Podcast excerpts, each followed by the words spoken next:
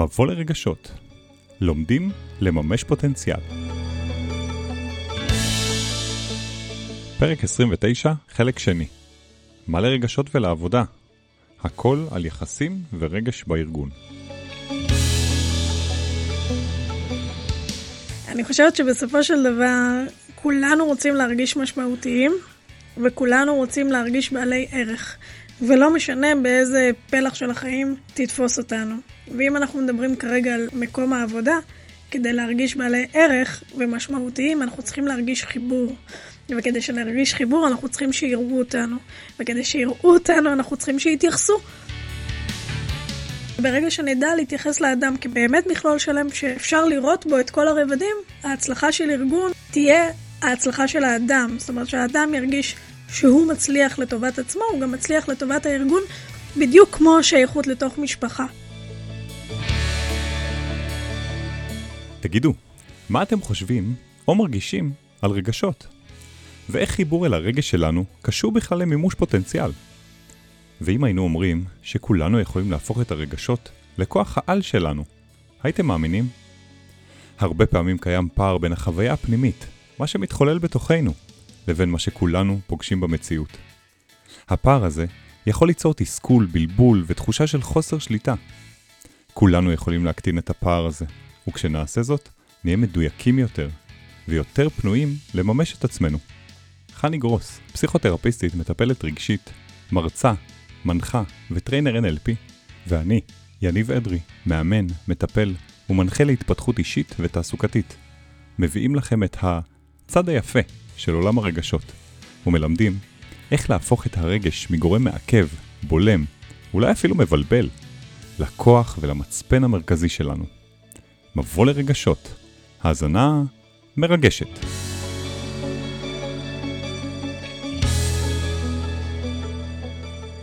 דיברנו על המקום הזה שהיום יש הרבה יותר מקום לרגשות בארגונים ולהבנה שהמשאב האנושי הוא באמת הדבר היקר ביותר שיש בתוך ארגון.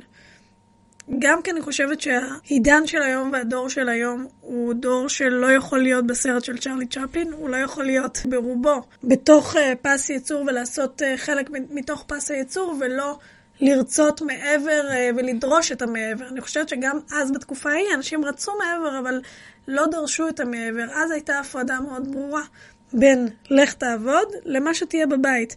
היום כבר ההפרדה הזאת היא הרבה פחות קיימת, ואנחנו רוצים להביא את כל כולנו גם בתוך מקום העבודה שלנו.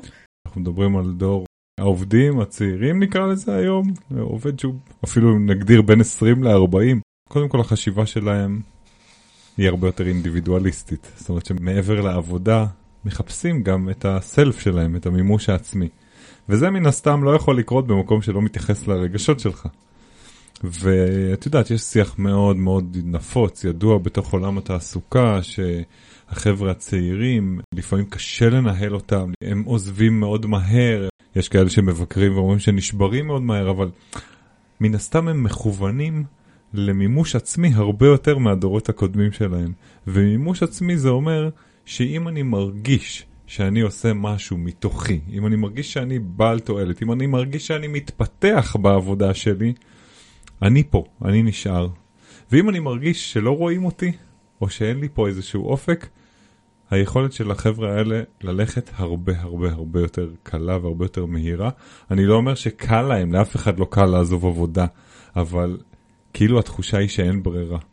וזאת בדיוק הסיבה שארגונים היום מבינים שכדי לשמר עובדים, לשמר אגב כוח עבודה מופלא ויכולות החשיבה הן מדהימות. יכולות החשיבה והפיתוח והיצירתיות של חבר'ה צעירים היא, היא מהממת. וכדי לשמר עובדים טובים, אתה צריך להשקיע יותר, אבל זה כבר לא בכסף. זאת אומרת, תגדיל לבן אדם את המשכורת, תגדיל את המשכורת, אז הוא יישאר עוד קצת. אבל אם תגדיל לו את תחושת השייכות, תחושת המימוש, היצירתיות, אגב, המקום של בן אדם גם לעסוק בדברים אחרים, שלא קשורים לארגון. לפתח את עצמו, שמה תוכל לשמר את העובד. וזו הסיבה שארגונים יותר צריכים או יותר לומדים את העולם הרגשי ואת העולם הזה של לתת לעובד מעבר. אז אני חושבת שהגיע הזמן לקרוא לזה בשם, וניתן הגדרה לכל מה שאמרת, ובעצם אתה מדבר על מושג שקוראים לו well-being, שהיא בעצם רווחה נפשית. רווחה נפשית היא בעצם המידה שבה אנחנו תופסים את האיכות הכוללת של החיים שלנו כחיובית ורצויה. ה-well-being זה איזושהי הגדרה לכמה אני תופסת את החיים שלי כטובים או כפחות טובים, והיא מתפרקת להיבט הקוגניטיבי ולהיבט הרגשי. בהיבט הרגשי זה מדובר על כמה רגשות חיוביים עוברים אצלי במהלך היום לעומת השליליים, כמה אני מרגישה משמעותית, איך תפיסת המשמעות שלי בעיני עצמי והמימוש העצמי באה לידי ביטוי. ואם אנחנו מחברים את זה לעולם התעסוקה או לעולם העבודה או לזה שאנחנו מבלים הרבה שעות בעיסוק שאנחנו בוחרים, אז אם אני מרגישה שמשמעותית ובעלת ערך, סביר להניח שתחושת ה-well-being שלי תהיה הרבה הרבה יותר גבוהה. גם המעגל של הרגשות החיוביים כנראה שיהיו גדולים יותר מאשר השליליים. ואם אני נמצאת במקום שלא טוב לי ואני לא נהנית ממה שאני עושה וגם אין לי ערך מוסף מסביב וגם לא דואגים להגדיל לי את הערך המוסף, אז ה-well-being הוא פחות גבוה. וההשפעה של זה על uh, התוצר שלי, או על התפוקה שלי, או על התפוקה של הארגון בסופו של דבר, או אפילו על. התחלת להגיד, על החיסורים שלי, על ההיעדרויות שלי, על מדד השחיקה, ובכלל על הזמן שאני אהיה בתוך מקום עבודה או יחליף מקום עבודה, הוא קריטי והוא מאוד מאוד מושפע מהמדדים האלה. זאת אומרת, את מדברת פה על ה-well-being כמפתח. כן. למניעת שחיקה, למניעת uh, נשירה, להעלאה של מוטיבציה, ואת יודעת, יש איזשהו ניגוד מאוד מאוד גדול, אני חושב, בין השפה העסקית לשפה הרגשית. זאת אומרת, יכולים לשבת אנשים בארגונים ולהגיד, מה, אני מטפלת של העובדים שלי? מה, אני uh, פסיכולוג של עובדים? היום אנחנו באמת רואים שארגונים שמבינים באמת לעומק well-being מהו, יכולים לאפשר לעובדים שלהם רווחה אמיתית, אגב, שלא תמיד קשורה רק לתפוקה שלהם. היא קשורה בעקיפין, לפעמים במישרין, כן? כי עובד ש, שנעדר מהעבודה, עובד ש, שחולה, עובד שמוריד תפוקות, הוא מן הסתם פחות יעיל. אבל גם לטווח הארוך, כמה זמן בן אדם בוחר להישאר? כמה הוא מפרסם את הארגון שלי כארגון שטוב לעבוד בו? ועוד הרבה השלכות קשורות לגמרי לאיך הוא מרגיש. כן, מה שאנחנו באים להגיד, שיש השפעה ישירה, לא עקיפה, לכמות ההיעדרויות שלי, אפילו למחלות שלי, בטח של התפוקה ולעוד uh, תוצרים אחרים, עם ה-well-being שלי. עכשיו, ה-well-being, הרווחה הנפשית, בתוך ארגון, האופן שניתן למענה הוא יהיה שונה מאשר איך להעלות רווחה נפשית מחוץ לעולם העבודה. צריך לדעת מה להתאים בכדי להעלות את הרווחה הנפשית. בתוך ארגון, כדי שהעובד ירגיש משמעותי, כדי שהוא ירגיש בעל ערך, כדי להגדיל את מעגלי הרגשות החיוביים בתוכו ומחוצה לו, בתוך המעגלים שבין העובדים, ואפשר לחבר לזה מושג נוסף, וזה אינטליגנציה רגשית. יש איזשהו קשר הדוק בעיניי בין הצלחה של ארגון בכל ההיבטים לבין אינטליגנציה רגשית. אינטליגנציה רגשית עוסקת בעולם הרגשי של האדם, במודעות עצמית וביכולת שלנו לזהות רגשות, גם של עצמנו וגם של האחר, ומתוך זה להתמודד בצורה טובה יותר עם החיים. אדם שיש לו אינטליגנציה רגשית גבוהה, הוא יהיה מסוגל לבחור את ההתנהגות שמתאימה לו בתוך סיטואציה על סמך מה שהוא מבין. ובכדי בעצם אה, לפתח את המיומנות הזאת, אז האדם צריך קודם כל להיות מודע למה אני מרגיש. וברגע שאני מודעת למה אני מרגיש, אני יכולה להבין את התהליכים הרגשיים שאני חווה, ואני אהיה מסוגלת לאתר כוחות שמניעים אותי או מעכבים אותי, שקשורים אליי. ברגע שאני מודעת לרגשות שלי ושל האחר, אני יכולה גם להביע אמפתיה, אני יכולה לייצר אינטראקציות אה, בין אישיות טובות יותר, אני יכולה לקבל החלטות באופן הרבה יותר מותאם, אני יכולה לראות את הארגון שלי ממבט הרבה יותר גבוה ולראות את השייכות שלי בתוך הארגון. יש לזה משמעות מאוד מאוד מאוד גדולה בתקשורת. בין אנשים בסופו של דבר, שזה הבסיס בעיניי להצלחה או אי הצלחה של ארגון. הרבה פעמים בהקשר של אינטליגנציה רגשית יש איזו נטייה לעשות הפרדה. על אנשים שיש להם אינטליגנציה רגשית ואנשים שאין להם אינטליגנציה רגשית. פה אני חושב שזה המקום להפריך את הדברים ולהגיד שקודם כל לכולם יש אינטליגנציה רגשית. דבר שני זה דבר שהוא מתפתח בהחלט. וחלק ממה שאנחנו עושים בתוך ארגונים וחלק מהמגמה שקורית היום, מנהלים ועובדים שרוצים לשפר את עצמם, הם בעצם משפרים את האינטליגנציה הרגשית שלהם. הם מייצרים עוד מרחב להקשבה, הם מייצרים עוד מרחב שמבין רגשות נוספים. הם מודעים לעצמם, הם מודעים ללחץ של עצמם, הם מדברים עם עצמם, משתמשים בהמון המון המון כלים שאנחנו גם מזכירים פה בפודקאסט, mm-hmm. וזה עלייה, חני, באינטליגנציה הרגשית בעצם, mm-hmm. זה המקום שאנחנו יכולים להגיד בצורה פשוטה, כל אחד יכול, ואת מחברת את זה ל-well-being בתוך ארגון, כי ברגע שאנשים מודעים ומשתמשים באינטליגנציה הרגשית שלהם, וזה בכלל לא חשוב באיזה תפקיד. אני יכול להיות בתפקיד ניהולי, אני יכול להיות בתפקיד של משאבי אנוש, אני יכול להיות בתפקיד מאוד מאוד טכני. עדיין אני בתקשורת עם אחרים, וברגע שאני קודם כל רואה את עצמי, כמו שאת אומרת, קודם כל אני מחובר לעצמי, ואז אני גם מתחבר לאחרים, זה מייצר תקשורת שלמה הרבה הרבה יותר טובה בארגון. נעשו המון מחקרים שקשורים לרגשות אה, בארגון משנות ה-80 והלאה, ובאמת מצאו שהמנבא הכי גדול להצלחה זה אינטליגנציה רגשית של המנהלים. ברגע שהמנהלים מגדילים את האינטליגנציה הרגשית שלהם בכך שהם מזהים קונפליקטים שקיימים, בכך שהם יודעים איזה התערבות לייצר כדי לגרום לאדם להרגיש טוב יותר, בכך שהם יודעים איפה להגדיל את תחושת השייכות או להרחיב את המקום שבו אדם מממש את עצמו, ויודעים גם למנוע קונפליקטים שעומדים לקרות ברמה הבין-אישית, שכביכול בעבר לא התייחסו אליה, מצאו שזה מנבא ההצלחה הכי גדול בתוך ארגונים, כי זה מייצר תרבות ארגונית הרבה הרבה הרבה יותר נעימה, הרבה יותר שרואה את האדם. בזמן שאני מדברת על הדברים האלה, הארגון העיקרי שקפץ לי לראש זה גוגל. ואני חושבת ש... שארגוני ההייטק אלופים בזה. הם מייצרים סביבת עבודה מאוד נעימה, שזה מייצר אקלים ארגוני מאוד מאוד נעים, והתרבות ארגונית הרבה יותר צבעונית, הרבה יותר מתאימה לאנשים ששוכנים בתוך הארגון, ואפשר להבין אם ארגון יש לו אינטליגנציה רגשית, או המנהלים באמת מפעילים אינטליגנציה רגשית, בעיניי עוד משלב הגיוס. אם בשלב הגיוס אתה יודע לגייס אליך אנשים שאתה רוצה שבדמותם ייבנה הארגון, זאת אומרת שאתה יודע להגדיר איזה במרכאות כפולות סוג של אנשים או מאפיינים אתה רוצה שהארגון שלך יכיל, אתה מגייס את האנשים ואתה בוחן גם את ההיבט של התקשורת בין אישית, אתה בוחן גם את ההיבט של היצירתיות, אתה לא מבקש לראות רק את הכישורים המקצועיים שלהם, אתה בוחן אה, ואתה, ואתה נותן את הדגש גם על ההיבטים הרגשיים שאתה רוצה שהאדם אה, יבוא איתו, או גם אם יש לו מעט מהדבר הזה ואתה רוצה להגדיל, ויש איזשהו vision לארגון של איזה אקלים ארגוני אני רוצה לייצר כאן, פה אני יודעת שוואלה, יש כאן דגש על ההיבט הרגשי, סביר להניח שהארגון הזה, כנראה שהוא יצליח. אז את נתת פה דוגמה של גוגל ושל חברות הייטק, אני רוצה להגיד שזה לא עניין רק של כמה אני משקיע בעובדים מבחינת כסף או מבחינת סביבה.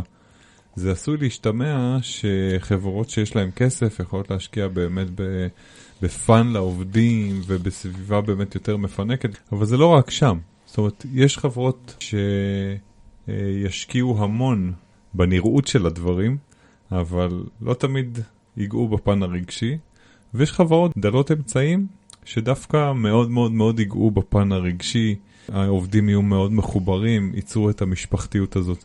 זאת אומרת שזה באמת, כמו שאת אומרת, מקום שמחובר לאווירה, ולאיזה אנשים אני מחבר אליי בגיוס, ואיך אני כל יום, וחני זאת עבודה יומיומית, זה לא משהו שפעם אחת עשית, גייסת את העובד המתאים וזהו, זה עבודה יומיומית, לשמר.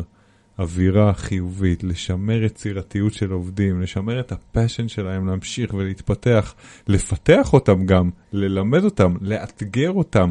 זאת אומרת, ליצור אווירה כזאת זה משהו שהוא ממש יומיומי, והוא עבודה קשה. זה עוד רובד, כמו שיש אה, רובד שבודק את הרווח והפסד, כמו שיש אה, רובד שמתעסק בכוח אדם, זה עוד רובד שקיים בארגון. זה חלק מההתנהלות היומיומית. וכן, סביבת עבודה מאוד מאוד מאוד מאוד משפיעה mm-hmm. על המוטיבציה של עובד, על השייכות שלו, על הרצון שלו לייצר שינויים. אנחנו יודעים שברגע שאתה מונח בתוך מרינדה שנעימה לך ואתה רוצה לטבול בה עוד ועוד ועוד, אתה הופך להיות חלק ממנה ואתה לא מרגיש שאתה רוצה אולי לצאת, כי נעים לך שם, אתה מרגיש חלק ממי שהיא, ואתה משפיע עליה והיא משפיעה עליך. קודם אמרנו הרי שארגון, יש לו רגשות, כמו לאדם, וזה בדיוק האמירה שלנו, חני, לאורך כל הדרך בפודקאסט. כמו שבן אדם לא יתייחס לרגשות שלו, ינהל מערכות יחסים לא טובות עם השכנים, לא משנה מה. כמו שאדם צריך לדאוג ל-well-being שלו, ככה גם ארגון צריך לדאוג ל-well-being של עצמו, להתייחס לעולם הרגשי ולא לטאטא דברים.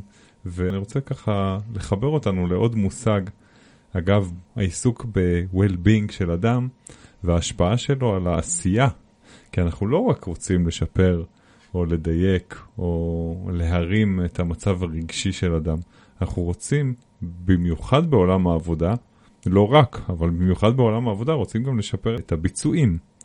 ופה אנחנו רוצים להכניס מושג נוסף שנקרא well-doing.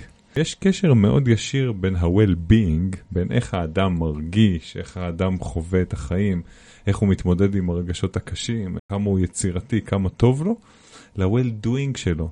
זאת אומרת, לרמת הביצוע, בפועל, לכמה האדם הזה מפגין מוטיבציה, לכמה האדם הזה רוצה לצמוח ולגדול, לכמה הוא תורם כל הזמן לסביבה, לכמה הוא יוזם, כמה הוא אגב נוכח בעבודה וכמה הוא חולה, ועוד ועוד ועוד הרבה דברים שהם ממש ב-well doing, הם בעשייה. ואנחנו מחברים פה מאוד חזק את שני הביטויים, well doing מושפע מ-well being חזק, ואגב גם well doing חזק, זאת אומרת שאדם פעיל, יצירתי, יצרני, זה גם משפיע על ה-well being שלו. הוא פחות לחוץ, הוא מגיע הביתה יותר מבסוט. זאת אומרת, איכות החיים שלו עולה, ולכן גם איכות הביצוע שלו עולה, וההפך. הרגשות שלנו משפיעים עלינו בהיבט הארגוני או בהיבט התפקודי בכמה רמות. רגשות משפיעים על תהליכי החשיבה שלנו. זאת אומרת, ברגע שאני מרגישה רע, יכולה להיווצר אפילו ראיית מנהרה. זאת אומרת שאני מרגישה רע ולא טוב לי ואני באה מדוכדכת למקום העבודה ואני קמה בבוקר ואומרת לעצמי מה עשיתי לעצמי, החשיבה שלי יכולה להפוך להיות חשיבת מנהרה, כלומר אני לא אראה כלום מימין או משמאל שלי, אני אעשה רק את הדברים שאני צריכה לעשות, אני לא אגדיל ראש, אני אהיה מבואסת. עכשיו, גם ברמה האנרגטית זה מין איזשהו, איזשהו תדר או אנרגיה שגם תשפיע על המעגלים סביבי. ואנשים סביבי גם ירגישו את זה ויתחילו להיות ממורמרים, וזה יחדור לעוד ועוד ועוד מעגלים. אז ברמת החשיבה, רגשות יכולים להשפיע לחיוב או לשלילה. רמת המוטיבציה שלי מאוד מושפעת רגשית. הרגשות משפיעים על רמת האנרגיה שלי, על המאמץ, והם יניעו אותי או לא יניעו אותי לעשות דברים חדשים, או אפילו את הדברים שאני רוצה לעשות. ברמה הפיזיולוגית, רגשות מורידים או רגשות נמוכים נקרא להם, יכולים אפילו גם לגרום למחלות או לחיסורים או לעוררות מאוד מאוד נמוכה. ככה שיכול להיות שאני אגיע פחות לעבודה, או שאני אגיע ואני לא אהיה ממש שם, ואז הגענו לתפוקות. Mm-hmm. כי כל השלבים האלה בסופו של דבר באמת מובילים לרמת התפוקות. כי ברגע שאני מרגישה את הדברים האלה, תהיה לי איזושהי השפעה לרמת ההתנהגות שלי, לרמת הביצוע של המטלות שלי.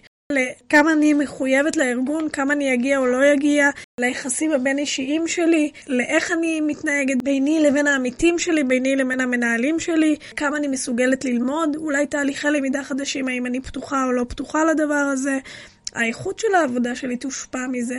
ואני בטוחה שיש עוד ועוד ועוד דוגמאות, אבל אנחנו יכולים להבין שבעצם הרגשות הם שחקן מאוד מרכזי בתוך העולם הארגוני. וזאת הבנה בעיניי מאוד מאוד מאוד חזקה, כי המשמעות שלה היא חוצה.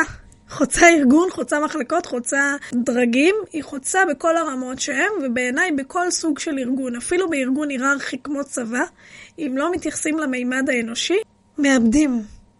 וכשאנחנו גם מדברים פה על רגשות אנחנו מדברים על מיומנויות גם של תקשורת ויכולת באמת להביא יצירתיות זה לא לא רק רגשות במובן העדין של המילה נקרא לזה. היכולת שלנו להביא מה שאנחנו מרגישים ולא רק מה שרוצים לשמוע. זאת אומרת כנות. בדיוק. היכולת קודם כל להפעיל את האינטליגנציה הרגשית שלי ולזהות מה קורה בי והקרקע שתאפשר לי לבוא ולהגיד באמת בתוך משא ומתן או בתוך התנהלות מה אני מרגישה עכשיו, בדיוק כמו בתוך יחסים אחרים. ולא רק מה שרוצים לשמוע, ויש לזה משמעות מאוד מאוד מאוד גדולה על האקלים הארגוני ועל התרבות הארגונית ועל היחסים בין האנשים. אז פה אולי את מתחברת לפרקטיקה של איך אנחנו מעלים את רמת ההתייחסות לרגשות בתוך ארגון, ואחד הכלים הראשונים זה המקום הזה של לתת מקום לרגשות, לתת מקום לביטוי, לפעמים אפילו לייצר מרחבים שולחנות עגולים, או ישיבות, או ימי כיף, או כל, כל ארגון עושה את זה כמו שהוא רואה לנכון, אבל מקום שיש מרחב לביטוי רגשי, ואגב, לא רק ביטוי רגשי, איך אני מרגיש היום, אלא גם לביטוי של רעיונות, או חשיבה, איך צריך לעשות פה דברים. הרבה ארגונים לא קשובים מספיק לדעות שיש לעובדים. עכשיו, אם דיברנו על הדור הזה, הדור הזה, הצעיר במיוחד, רוצה להשפיע על איך הארגון מתנהל. מה זאת אומרת? למה לא שואלים אותי איך לעשות פה דברים? יש לי מלא רעיונות. אז זה ביטוי רגשי, זה ביטוי של ידע, ביטוי של רעיונות. בכלל, מרחב לשמוע את העובד זה אחד הכלים הראשונים אולי, שנדבר עליהם פה כמשהו שפותח את המרחב הרגשי בתוך ארגונים. יודע מה פשוט יותר מזה? יצירת איזשהו מרחב שמסתכל על האדם כאדם ולא רק כעובד. זה שאני מחליטה לעשות טקסים בתוך ארגון, זה כבר נותן ביטוי לאיזשהו מרחב שהוא לא רק מרחב יצרני, איזשהו מרחב שמבין שלאדם יש משמעות ואני חלק מחברה וחלק מקהילה ואני לא רק פה כדי לתת את כוח העבודה שלי. ויש משמעות לעצירה הזאת, טקסים, שזה יכול להיות טקסים של חגים וזה יכול להיות טקסים של קבלת תעודה על משהו או טקס להבעת הערכה על משהו, אבל איזושהי יצירה שהיא יצירה בשביל להתייחס לאירוע הזה בתוך החיים של האדם, או לאירוע הזה כחלק מחברה, או לאירוע הזה שהאדם הגיע לאיזשהו הישג, שהוא לאו דווקא חייב להיות הישג לתועלת הארגון באופן ישיר, אבל עצירה שמסתכלת על האדם כאדם, וברגע שהאדם מתייחסים אליו כאדם, ולא רק כאיזשהו גורם מייצר, אז הוא מרגיש שייך והוא רוצה לתרום. כשאנחנו מרגישים בנוח ובנעים, אנחנו בדרך כלל נרצה לתת מעצמנו, וצריך להתייחס להיבט הזה על אחת כמה וכמה בתוך מקום עבודה שאתה מבלה שם הרבה מאוד משעות היום שלך, זה לפעמים יכולה להיות המשפחה השנייה, ולפעמים... לפעמים גם הראשונה. כן. ולכן הגיע הזמן שכבר נחבר את המושג הזה, רגשות בארגונים, ונעלה אותו אפילו לדרגים הרבה יותר גבוהים בתוך המעלה של החשיבות. את אה, דיברת פה על טקסים ואני רוצה רגע לתת איזושהי אה, דוגמה או עצה.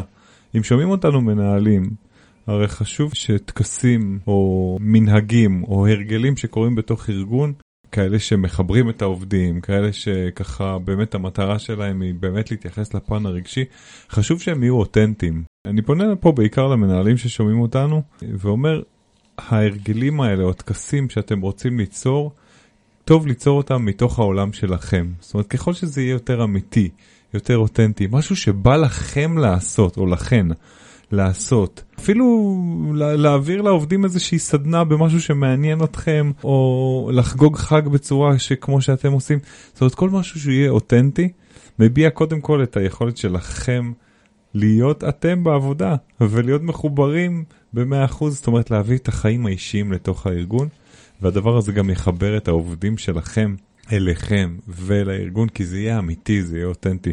זאת אומרת, לא מספיק טקסים שהם טקסים רשמיים כאלה, עכשיו יש הרמת כוסית כי ראש השנה, עכשיו יש happy hour, אני לא אומר שזה רע, אני פשוט אומר שזה לא מספיק לפעמים, אם זה נעשה בצורה טכנית, מכנית. העובדים קולטים את זה, כולם קולטים את ה vibe, הרבה יותר מאת בפועל, או כמה זה עלה. קולטים את ה vibe, וברגע שה vibe מדויק, חני, וברגע שמנהל, מרמת מנכ"ל ובעלים ל- לרמת דרגי הביניים והמנהלים הזוטרים, ברגע שהם מביאים את עצמם, את העולם האותנטי שלהם, קודם כל רואים אותם, מקבלים מזה השראה, וגם זה נהיה יותר חם. כי לאנשים יש מה להביא, אבל לפעמים הם משאירים את האני שלהם מחוץ לשערי הארגון. אתה מדבר אולי על ניהול רגשי נכון.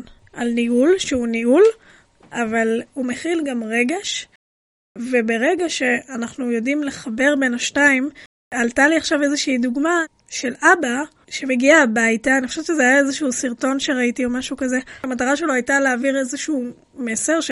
וממש רגע לפני שהוא נכנס הביתה, הוא מוריד מעצמו את כל התלבושת שהוא לבש קודם בעבודה. אני, אני לא זוכרת מה זה, אבל אני אפילו חושבת שזה היה ליצן. והוא מוריד את כל התלבושת שהייתה עליו קודם, הוא פשוט נכנס הביתה. והראו את זה פעם אחרי פעם אחרי פעם.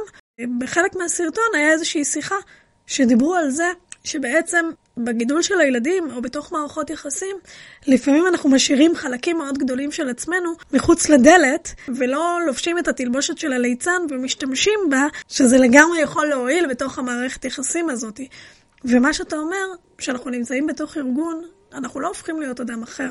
אנחנו בעצם מביאים חלק ממי שאנחנו, וככל שנביא יותר ויותר חלקים, במיוחד בעידן הזה, כי זה נכון מאוד לעידן הזה, אולי בעידן ההוא של פעם, של הדור של ההורים שלנו ועוד לפני, זה היה פחות נהוג.